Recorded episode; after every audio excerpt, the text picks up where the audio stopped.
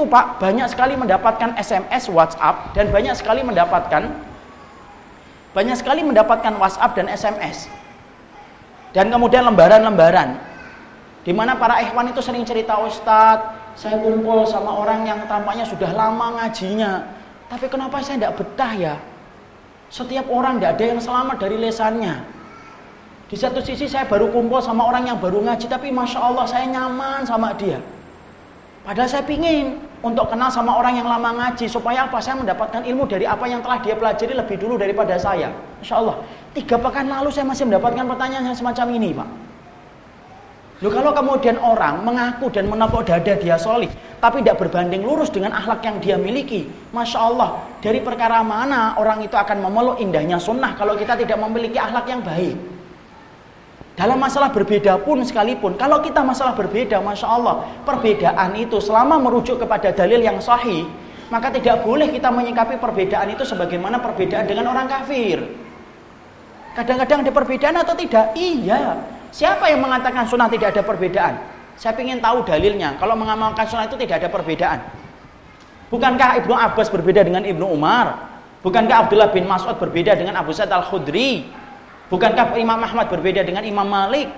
Tapi Masya Allah, walaupun mereka berbeda ketika mereka memiliki manhaj dan akhlak yang baik, perbedaan itu tidak menjadikan mereka itu saling membenci. Perhatikan Osman bin Affan. Beliau itu kalau safar, empat rakaat. Jarang beliau mengkosor. Abdullah bin Mas'ud, kalau beliau safar, itu kemudian ngambil rukshoh dua.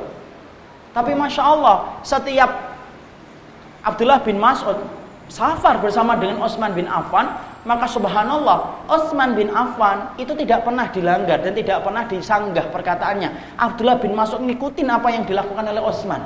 Ditanyakan kepada Abdullah bin Mas'ud, "Kenapa kamu tidak mempertahankan keyakinanmu? Al khilafu syarrun." Perbedaan itu buruk. Selama masih bisa ditolerir, mari kita kemudian perlihatkan akhlak yang baik. Imam Ahmad, Pak, Beliau itu adalah seorang ulama yang mengatakan bahwasanya kunut subuh adalah bid'ah. Beda dengan Imam Malik dan beda dengan Imam Syafi'i.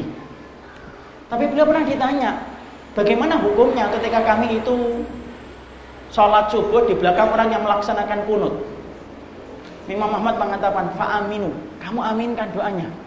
Inna maju'ilal imam liyuk bihi, dijadikan imam untuk diikutin. Subuh Padahal Imam Ahmad itu menganggap apa? Menganggap bahwasanya kunut subuh itu adalah tidak masyru. Ya? Perhatikan pula kemudian Imam Syafi'i. Imam Syafi'i dikatakan oleh kemudian salah satu ulama besar, Laisa hunaka aqal minas Syafi'i. Tidak ada orang yang lebih berakhlak daripada Imam Syafi'i dan lebih berakal daripada Imam Syafi'i.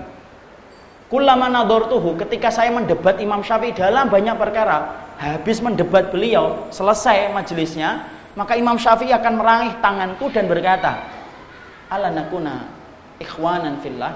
Apa yang menghalangi kita untuk saling bersaudara di dalam Islam, di dalam agama Allah? Walaupun kita banyak berbeda dalam banyak persoalan. Insya Allah. Itu akhlak. Ini akhlak dalam perbedaan saja.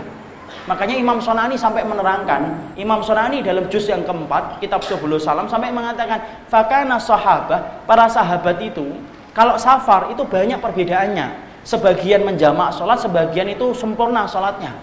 Sebagian mereka berbuka puasa, sebagian mereka itu berpuasa. Tetapi walaupun mereka berbeda dalam satu kali safar, masya Allah mereka tidak saling memberikan aib ketika mereka itu mendapati perbedaan di antara mereka.